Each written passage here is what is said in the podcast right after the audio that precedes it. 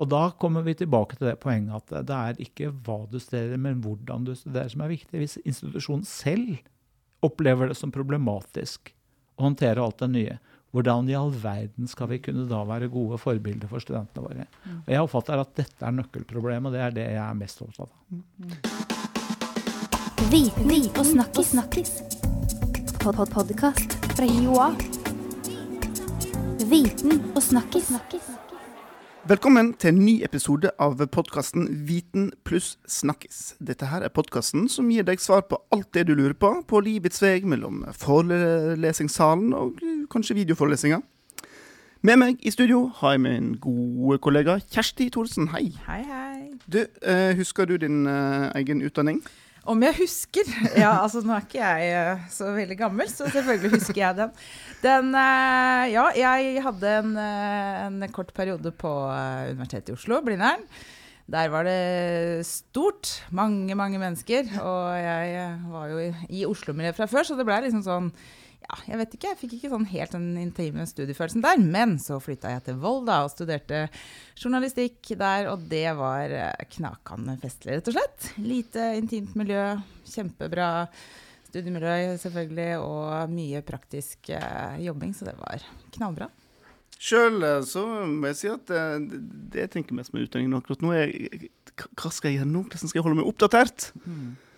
Jeg har funnet ut at min gode venn akkurat nå er Twitter. Der, der, der føler jeg at nå, nå, kan jeg holde koken en stund til. Ja, vi får nok av tips og inspirasjon til eh, hva man bør eh, sette seg mer inn i i sosiale medier. er det sikkert. Ja. I dag skal vi altså snakke om, om utdanning, og, og, og, hvordan dette kanskje har forandra seg. Og hvordan kanskje dette skal bli en gang i framtiden. Og da har vi invitert med oss en ekspert på feltet, Helge Høyvik. Velkommen. Takk skal du ha. Du har jobba med hva skal jeg si, digitalisering av utdanning i en uh, mannsalder. Ja, det er fælt å si, men det er nok sant. men du først, uh, husker du din egen uh, utdanning? Ja, som Kjersti også veldig, veldig godt. Jeg begynte på Blindern i 69 var det vel. Og livet har jo sånne oppturer og nedturer, og det var en av de desidert klare oppturene. En veldig følelse av frihet, og til liksom å ta grep om eget uh, liv og egen oppdagertrang. Og dette var jo akkurat i den perioden hvor um, studenttallet gikk jo i taket. Så det var folk fra liksom alle samfunnslag, og det strømmet til, da, for å si det sånn. Uh, og særlig den første høsten når vi strev med forberedende prøve, var en liten gjeng som vi organiserte oss imellom. Et par gutter og et par jenter. og og det at vi satt liksom hjemme på hyblene til hverandre og drakk te og diskuterte filosofi og psykologi og prøvde oss på logikk og sånn med den noe begrensede livserfaring vi da hadde, det var jo kjempekoselig. Så mm, det var en fin, fin tid. Ja. Gode minner. Men hvordan var en typisk uh hva skal vi si, undervisningssituasjonen den gangen? Altså, etter at det, Da var det jo gigantmiljøer, men det var jo godt organisert med smågrupper, og, så det hjalp. Og så var jeg ute et uh, års tid med deltidsstudier og noe sivilarbeid og sånn, og så var jeg tilbake igjen. Og da var, da var liksom trøkket kommet, og da begynte jo Chateau Neuf kom jo da i 73 hvor psykologiforelesningene med liksom 1300 studenter til stede, og intens foreleser som fikk alle studentene til å føle at de hadde alle verdens psykiske plager. Da. Man måtte jo gjennom alle sammen ikke sant, mens de satt der.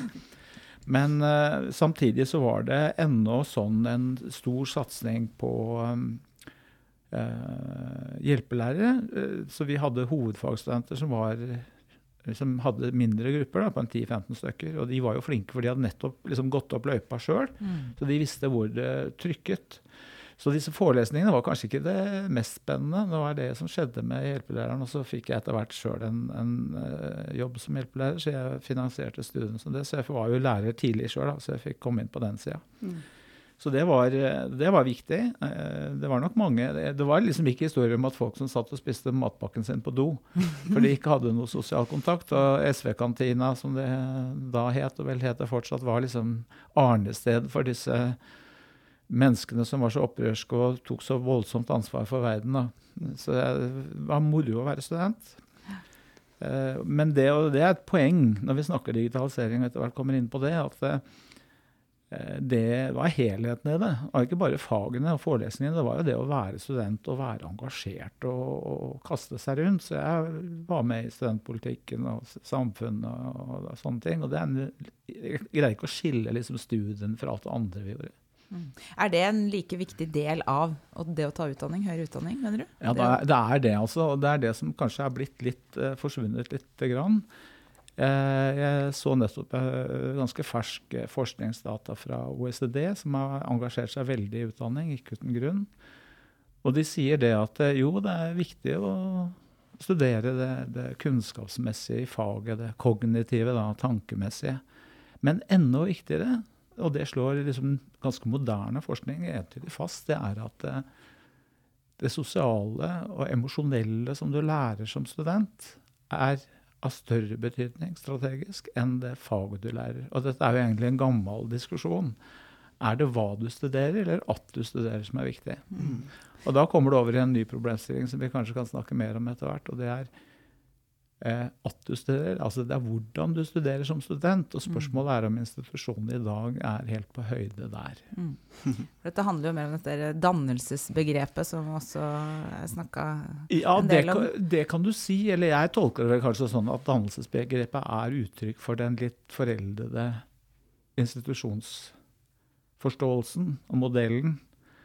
At det er nok mer utdanning av et allment slag mm. enn det er danning. Ja. Selv om danningen også er et Det, det er litt vanskelig å skille. Mm. Men det, det, blir et lite feilspor, fordi jeg merker at en del snakker om liksom ja, nå skal vi innføre på en måte en ny type forberedende eller modningssemester. Og da vil jeg heller si vi trenger i større grad en moden institusjon.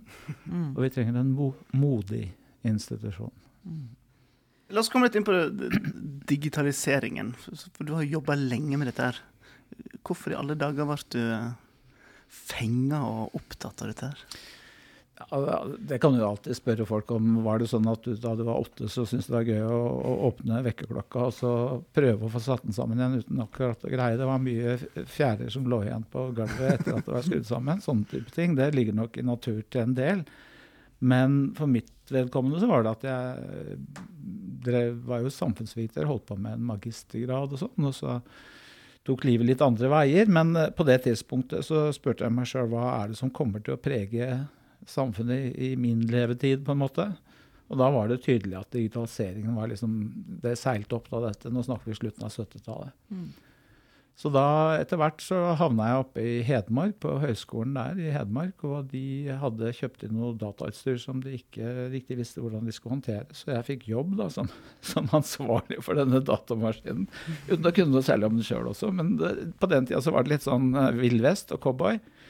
Så jeg satt og ringte til Norsk Data i Oslo og fikk veiledning. Og så, og så ble jeg driftsoperatør rett og slett på dette anlegget. Så det var sånn det starta drifts... Altså, jeg har også hatt en uh, jobb, skjønner du, i, på Meteorologisk institutt rett uh, etter videregående. Faren min jobba der, og da hadde jeg tittelen EDB-operatør. Ja, det er så fantastisk. Ja da. Og, sånn, og det, det, altså, det for folk får vært med på det, hvor ting er så nye at det, det, er ikke satt, det har liksom ikke satt seg som fag. Nei. Så det var faktisk en periode hvor jeg underviste noen kurs og så tok jeg eksamen i dem etterpå.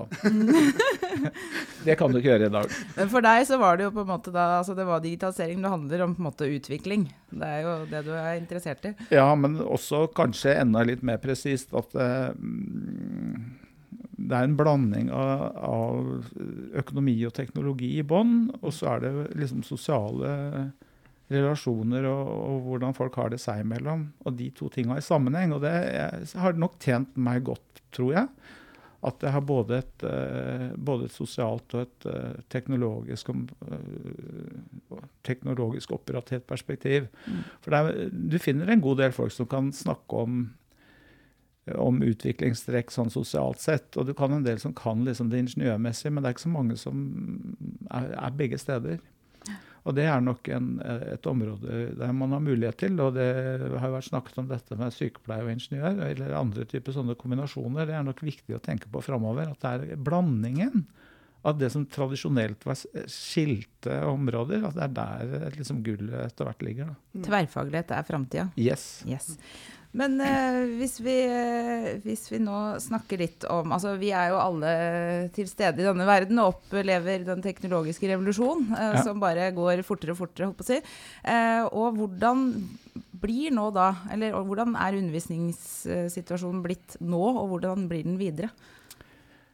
Um, det er så veldig mange veier inn i det. Men jeg kan jo starte med noe vi har jobba med de siste to-tre årene her på Høgskolen i Oslo og Akershus, med å, å, se på det som eller Det, det fins liksom ulike metaforer eller bilder for hva som skjer. og Det ene er at, uh, at dette er uh, teknikk. Og hvis det er, liksom, problemene er tekniske, så skal de jo løses av teknikere. Og så finnes det en tradisjon som går på at nei, dette handler om dialog og samtale. og Det, altså det som kalles Massive Open Online Courses, MOOCs, har jo vært en, en, en tendens der at der kan man lage samtaler mellom alle på kryss og tvers av institusjoner og land og sånn. Og så har du mer en administrativ logikk, learning management, og det har nok dominert mye. At det er liksom prosessering av studenter gjennom et system som skal leveres til et arbeidsmarked.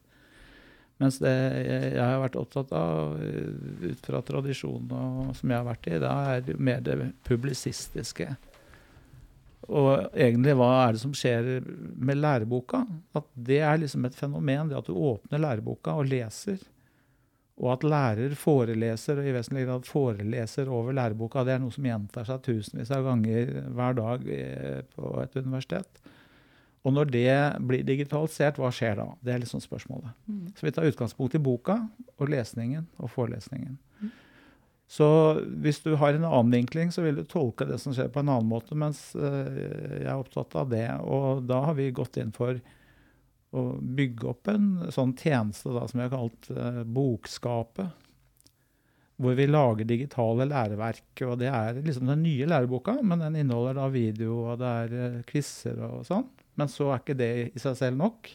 For dette bare, liksom, bare content, bare innholdet, det viser seg holder ikke. Det må være en sosial prosess også. Mm. Så det kan jeg godt fortelle litt mer om hvordan det er skrudd sammen.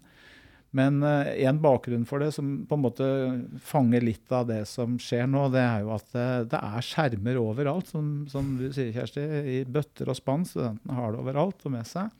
Og forelesningen er jo også på en måte blitt en skjerm, bare at det står da en person nede i hjørnet og forteller hva som står på den skjermen. Hvis mm. du går inn i et auditorium, så er det det som skjer. Mm. Så vi er liksom overmodne for å redefinere og restrukturere dette, sånn at den skjermhåndteringen blir litt mer fornuftig. Så det å flytte på en måte sånne forelesninger inn i boka, og så bruke tida sammen på en annen måte. Det er det som er omvendt klasserom, da, flip classroom. Mm. Men, men, men hva, hva, er det som er den egentlige drivkraften her bak dette som skjer? Er, er, det den økonomiske? Altså, er det, er det, ressurser å spare og penger å spare på dette her? Eller er det noe pedagogisk her òg? Altså, kan vi lære bedre, mer, bedre, kjappere ved å, å, å kaste litt teknologi inn i uh, utdanning? Det kan, ja, du kan svare ja på nesten alle spørsmål, men hvis du spør liksom, altså Det er en egen gren av sosiologien og samfunnsteorien. Det hva som, hva som skjer når ting endrer seg. Og du har jo ofte det som kalles de tidlige vårfuglene, ikke sant? the early adopters. de som jeg var på en konferanse for noen år siden, og det var en som innledet og sa ja, her sitter vi early adopters, og vi var her for ti år siden, og vi har adopted og adopted, men ingen andre har gjort det. Og sånn har nok følelsen vært mye, og det finner du seriøs litteratur på. At det har vært veldig mye sånn en liten gjeng mm. som har holdt på der og holdt på der. Men det som nå skjer, det ser vi bl.a. innenfor helsefagene, at uh, resultatene har vært ganske dårlige på en del ting. Det er kritikk mot studiene, karakterene er for dårlige. For mye stryk, for mye frafall. Sånn at det prosjektet jeg nettopp nevnte, er jo drevet av en genuin interesse fra ledelsen for Fakultet for helsefag i å få opp kvaliteten på undervisningen og resultatene. Og gledelig nok så viser det seg at det ser ut til at vi får til. Mm. Så vi hadde nettopp en prøve nå på bruk av disse nye måtene da i høst, hvor strykprosenten ble en tredjedel av det den hadde vært tidligere. Mm. Dette må jo handle litt om å møte studentene på det der de er også. For det er klart at nå begynner vi jo Altså vi underviser jo stadig yngre og yngre personer som er født rett inn i den digitaliserte verden. Sånn de har kanskje andre krav og syns at Sant nok. Nå vil jeg riktignok korrigere deg, Kjersti. Det er vi som blir eldre og eldre. Vi er omtrent av samme alder hver gang de starter. Ja, okay, Men det oppleves, det oppleves, kanskje sånn. Ja. Jeg nekter å gå inn til at jeg blir eldre, skjønner du. Men du har et veldig viktig poeng, og det kan jeg illustrere kanskje med det litt tilbakeblikk da jeg var lærer på opphold. Det er på Rena, da, et veldig hyggelig sted. og så Uh, gikk jeg liksom den vanlige runden med. Jeg hadde mye, mange studenter, og de satt i dette, dette da, terminalrommet da. og Da snakker vi midten av 80-tallet. Og så hørte meg studentene mine, og så var det en som snudde seg og så på meg, og det var så tydelig. Og så sa hun du er altså en så god lærer. Hva, sier jeg. Hvorfor det? Jo, du bryr deg om hvordan det går med meg. Mm. Og det er det samme som en av mine kolleger, som jeg nå også er veileder for, da, som holdt på med dette prosjektet nå i høst. Og hun summerer opp jo, det er bra med alle disse videoene og alle disse quizene og alt dette her. Men til sjuende og sist så er det nok det at studentene opplever at jeg bryr meg om dem. Mm. Sånn at, eh, og da svarer jeg det sånn at, eh, at teknologien er vel mer en forsterker. Er du en god lærer som bryr deg om studentene, så blir effektene enda større hvis du bruker teknologi på en fornuftig måte. Men er du en dårlig lærer, så hjelper ikke med teknologi. Det blir kanskje enda verre. Mm. Det er jo sånn da at eh, på ett Altså jeg ser det for meg at på en måte så kan man jo si at man kan, eh, med den teknologien som er nå, digitalisering, så kan man jo nesten hele eh, Altså digitalisere et helt studium. At man ikke trenger å treffe folk i det hele tatt omtrent. Altså bare sitte ved egen PC og få hele studiet sitt der. Eh, det vil jo føre med seg en del ting. Altså det vil jo gi et bredere tilbud. Det gjør det, men altså, jeg, jeg, du kan tenke på det at da, da boktrykkerkunsten kom, så var det liksom ikke lenger manko på innhold. Altså Bibliotekene var der, du kunne studere, du kunne ta en doktorgrad. Men det var ikke så veldig mange som gjorde det. For det var en rekke andre forhold, økonomi og, og, og alt mulig sånn, som bestemte om du endte opp i det akademiske. Og det er veien inn i det akademiske og veien gjennom som er viktig. Og det er det ikke liksom content eller innholdet som i seg selv bestemmer. Men det er klart at eh, formene for det å, å, lese disse tingene og se disse bildene og videoene og sånn, og det, det, forandrer seg. sånn at ja, Vi har hatt et par runder nå. Først så kom på en måte tastatur og skjerm og mus liksom på 60-tallet som grensesnitt. da, Hvordan du samhandler med maskinen. Og så fikk vi disse touchskjermene som gjorde det mulig med mobiltelefoner. Det er bare noen få år siden. Men det som jo er på full fart inn nå, er en sånn ja, det er en liten boks som du har på bordet, og så sier du 'Hei, Alexa' eller 'Hei, Google', og så spør du om noe, og så svarer den deg. Mm. Så du ikke trenger skjerm i det hele tatt. Og da kan du si at uh, enten det er det ene eller andre måten du snakker med dataanlegget på, så snakker du liksom til en, en, litt liten enhet som du har lokalt, men den snakker jo til hele verden der ute. Mm. Og med dagens teknologi så er det fullt mulig for en student å si eh, ja, jeg har en time nå, jeg trenger å lære litt om leddbåndskader i masseidrett. Kan du finne de passe antall forelesninger som kan oversettes til norsk, som jeg kan se på video, pluss lage en 50 siders abstract av dette til meg? Mm. Den teknologien fins. Om det skjer, det er jo mer et økonomisk eh, spørsmål. Men over tid så vil den teknologien supplere det andre vi gjør. Mm. Så det er riktig som du sier, jo, du kan få tak i alt det. Og det blir på samme måte som det i gamle dager, eller fortsatt liksom kan gå i en bokhandel og kjøpe deg en bok. Så da har man i praksis en student i Norge har mulighet til å studere ved egentlig hvilket som helst universitet i hele verden, da? Selvsagt. Ja. Altså, jeg, jeg, studerer, jeg er jo evig-student, så jeg mm. studerer jo ved Harvard og MIT jeg nå. Mm. Men jeg tar sånne online-kurs som er der på det. Men jeg har jo så mange av dem, så jeg blir jo ikke ferdig. Mm. Men det er mer sånn at eh, når jeg trenger noe, og det, det syns jeg er en observasjon som man skal legge litt, som jeg legger litt vekt på, det er at det, for noen år siden så var det ikke så mye å finne. Og det minner meg om for enda flere år siden hvor jeg var opptatt av databaseteori, for det var litt av faget mitt. Og da var det ikke så mye å finne, men etter hvert så eksploderte jo det. Fordi alle som drev med databaser, drev med data og la ut tingene sine. Mm. Det jeg ser når det gjelder nesten ethvert fag, var at for et par år siden var det lite å finne av strukturerte kurs. Nå blomstrer det. Nå er det en kaskade av ting å finne. Mm. Så eh, systemene våre, vår egen institusjon, er, har liksom ikke tatt det ordentlig inn. Hvordan skal vi på en måte håndtere den massen av utdanningsmateriell som ligger ute nå. Men dette er jo vel og bra det å vite at man har tilgang på all verdens eh, kunnskap. Men litt sånn som vi var inne på i stad, jf. Dette med, med, den andre delen av utdanning.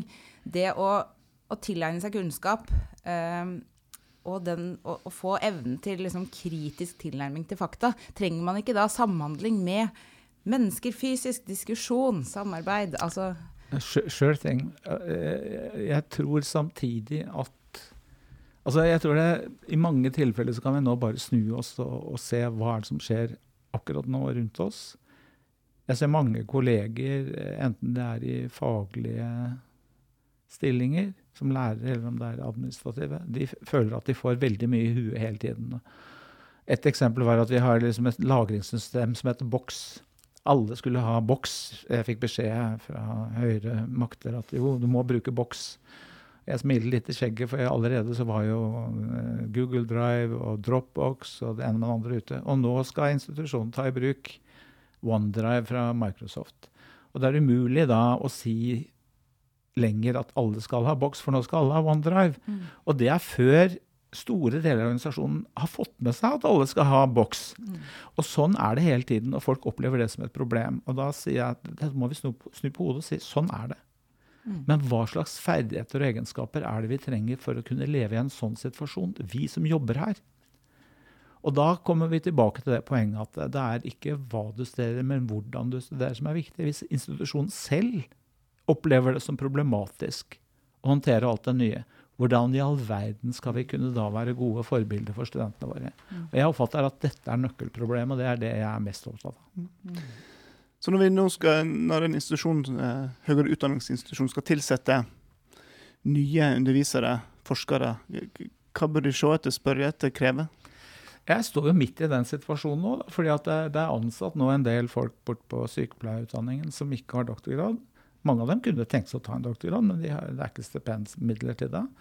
Og da prøver vi å sy sammen et opplegg hvor de går rett på å utvikle nye læremidler, men samtidig samarbeid med studieadministrative folk, hvor de også er med på noe løp. hvor vi ser på sånn, Går det an å redefinere forholdet mellom lærer, studieadministrasjon, studieleder, biblioteket? Og se på hvordan kan disse spille sammen framfor å være litt sånn litt sånn kritiske og skilt fra hverandre. Så det er ett eksempel. Et annet eksempel Jeg har hyret noen folk i de senere årene. og jeg sier til alle eh, sett i gang og jobb og prøv å finne ut av det. og Det er helt ålreit om du gjør noe feil. Hvis det er slik at jeg må fortelle hva du skal gjøre for å gå fra A til B, og liksom sette meg såpass mye inn i det å strukturere det, da gjør jeg det heller sjøl. Mm. Og sånn tror jeg mange vil si. Mm. At de folka du vil ansette, de må komme og være i stand til å navigere et uklart landskap. Mm. Og greie å strukturere det og komme opp med løsninger. Og det er en måte å undersøke på. Men det er ikke sånn at man sitter rundt et bord og diskuterer det, i hvert fall ikke i første omgang. Man må engasjere seg med problemfeltet som ofte ligger i skyggene, og det er den ferdigheten jeg tror folk vil trenge i framtida. Mm. Men da har vi jo slått fast at vi trenger altså I den raske teknologiske utviklinga så trenger vi kompetansen på det. Både lærerne, underviserne, eh, institusjonen må jo snu seg rundt raskt for å møte da, behovet til ikke de som blir yngre og yngre, men de som blir født eh, senere og senere, eller åssen det blir. Ja. men da, vi snakker jo etter hvert om studenter som på en måte har fått eh, Hva var det hun sa, hun studentlederen? Eh, iPad til ettårsdagen sin. ikke sant? Kommer vi, UH-sektoren og alle oss med den, til å liksom rekke å hente oss inn? Ja, Det tror jeg. Og, men samtidig så tror jeg altså, at verdien av å ha vært der, been there, done that, hvis du f.eks. skal undervise sykepleiere, den vil relativt stige. Det betyr ikke at ikke akademisk, mer sånn teoretisk kunnskap er, ikke er verdifullt. Eh, det er også verdifullt, men det er liksom før så var det sånn at den teoretiske kunnskapen var den som rangerte høyest, men det å ha vært der og vite hvordan du snakker med folk, og hvordan det ser ut når det er narkotisk, og det er masse ting som dundrer løs hele tiden, den var liksom mindre verdt. Jeg tror at det snur seg. Mm. Og derfor vil de lærerne som har eh, en god praksis, og det kan godt være en praksis i av den typen jeg nettopp sa. Du trenger ikke ha vært, liksom, vært, på operasjonsstua, det er ikke alltid det. Men at du har vært ute i, ute i verden og vet litt om hvordan virkeligheten er, det synes vil være veldig viktig for studentene. At det er noen som kan gi liksom, den relevansen og tilkoblingen til alt det som det er så lett å få tak i på skjerm. Og det er jo viktig for studentene våre, og vi har jo praksis i fryktelig mange av utdanningene våre. Så sånn sett så vil vi jo aldri bli heldigitaliserte, altså utdanningen seg sjøl. Ikke på den måten. Nei. Samtidig så vil jo de praksisene også vise seg å være ganske digitale etter hvert. Sånn at det, det er Eh, altså det er veldig duket nå, og det er jo masse tegn i tida. Eh, Helse Sør-Øst eh, satser på et gigantisk opplæringsprogram for sine tilsatte. 70 000 mennesker. Så vi kan godt komme dit at eh, om ti år så er det slik at det er eh, helsefeltet som er en tyngre konkurrent i våre helsefagsutdanninger enn andre eh, institusjoner innen utdanningsfeltet. Men hvis man kjenner sin besøkelsestid, så passer man jo på å lage de riktige alliansene, og det skjer jo nå. Mm. Du, om en, hva er det, Kjersti? Om en seks-sju år så har vi begge unger som kanskje skal inn i høyere utdanning. Hva tror du, Helge? Du kommer til å møte de eh, da Er det store forandringer, eller er det fortsatt gå til samordneopptak og søke en bachelor og stille opp på første studiedag? Jeg tipper at uh, altså Vi har vært gjennom en sånn organisasjonsendring. Litt pussig, da. Det var jo uh, en, uh, en tidligere rektor ved Høgskolen i Oslo og Akershus, som også var politisk på venstrefløya, som ledet det utvalget som nå høyresiden har fått gjennomført med å slå sammen disse institusjonene. og Det er et dypereliggende behov. Men det som da kommer i neste omgang, når disse institusjonene har funnet sin, uh, sin plass, det er at de vil begynne å konkurrere om hvem som er gode på hva. Så jeg vil tro at eh, vi i Norge får noe av det samme som du har hatt i USA i mange år. At noen institusjoner er flinkere på å, å skjønne sin samtid og ha nivå på det enn andre. Sånn at det veldig mange foreldre, eller dere, da, vil tenke på i forhold til egne barn, det er sånn Hvor er det best og lurest for dem å studere? Og allerede så er det litt sånn Skal man dytte i retning Trondheim eller Oslo? Og det blir en viktigere diskusjon enn om du skal studere. Og så er spørsmålet hvem av institusjonene greier å være flinke til å ha link til utlandet, gode praksisordninger. Er det der det ligger, tror jeg. Mm. Men du, du, sa det der, der, at om man skal studere, er nesten ikke et spørsmål lenger. For det er nesten, det er jo mange som snakker litt om sånn derre Det er jo såkalt en sånn skjult tvang og skulle ta høyere utdanning. Men så viser jo også eh, rapporter da, at, eh, at, i framtida så vil det jo være ja, det vil være behov for folk med høyere utdanning, men gjerne innenfor litt spesialiserte felt. Da. Helse vet vi jo. Men også eh, yrkesfagene, videregående fagutdanning, ikke sant? bygg og anlegg f.eks. osv.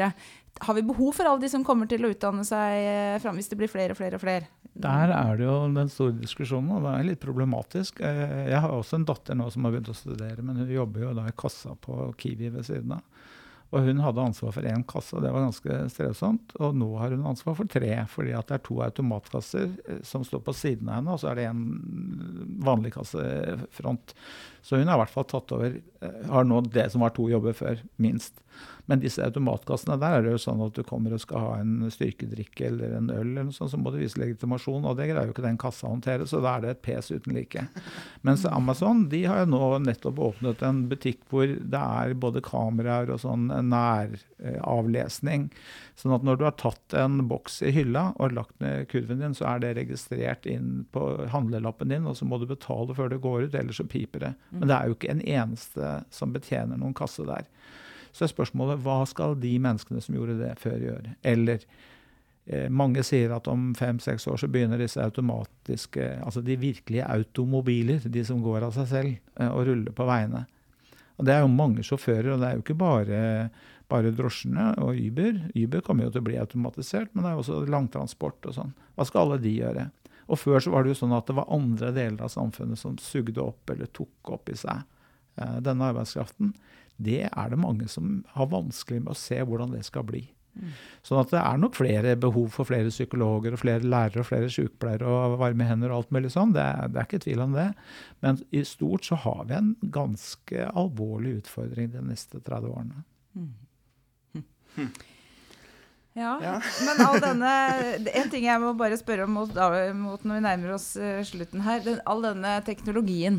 Altså det går fort og fort og fort og fort, og fort, og man snur seg rundt og bygger opp nye systemer og ikke sant. Og så tenker jeg, er liksom er det trygt nok i bånn? Jeg bare tenker, Hva skjer når systemene svikter? Altså, er, det, er vi på en måte sikra? Tenk, tenk, på oss, da. Med, altså, en ting er et forelesning og videoer og alt det der, men digital eksamen altså, Er vi liksom sikra mot uh, ja, de verste det, scenarioer? Det, er egentlig to, to, spørsmål. fordi sannsynligvis nok var nok endringstakten større for våre besteforeldre enn den er for oss. Mm. Altså overgangen fra Norge 1850 til 1910-20 er nok større enn den som uh, kom, har kommet etter krigen, i, i hva som liksom er mulig.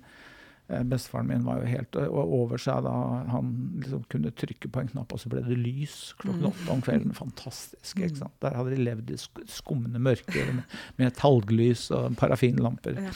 Sånne ting. Så det er det ene. Altså endringstaktens uh, hvor, hvor raskt den er. Så jeg, En del folk som sier at det, det forandrer seg så fort, så sier jeg slapp av. Det, det, har vært verre før. Uh, så bare deal with it, på en måte. Men når det gjelder uh, samfunns sårbarhet, så er det klart at Og det gjelder jo ikke jeg vil jo ikke først og fremst si at det er teknologien. Jeg syns det er økologien som er det virkelig truende og skumle i dette her. Eh, men det er klart at er et veldig komplekst samfunn Kompleksitet betyr at mye kan gå gærent. Og vi er et komplekst samfunn, og da er det sånn at det er mye som kan gå gærent. Når det gjelder data, så er jo det også veldig replis... Altså det er mange kopier. Mm det er sånn at det, det, finnes datamaskiner i ett og alt, og det er klart at du kan få det til å gå ned, men etter hvert så vil nok eh, man finne systemer og sette opp noen vegger imellom det, sånn at om det ene systemet er dette, så har det et annet som tar over seg. Jeg er ikke, jeg er ikke fullt så engstelig for akkurat det. Nei, da sover vi godt om natta fremdeles da, gutter. Helge, dette var veldig interessant. Uh, det er mye spennende som skjer. Så får vi se om vi klarer å henge med. Ja, veldig hyggelig å bli invitert. Vi er motivert i hvert fall. Det er vi. Uh, og til deg som hørte på, veldig hyggelig. Uh, vi kommer snart igjen med nye episoder av Viten og snakkes. Så det du kan gjøre, er å gå inn på podkastappen din og trykke 'abonner', så kommer de automatisk ned til deg vet du, neste fredag. Ha det bra. Ha det bra. Viten og snakkis. snakkis. Pod -pod Podkast fra Joa. Viten og snakkis. snakkis.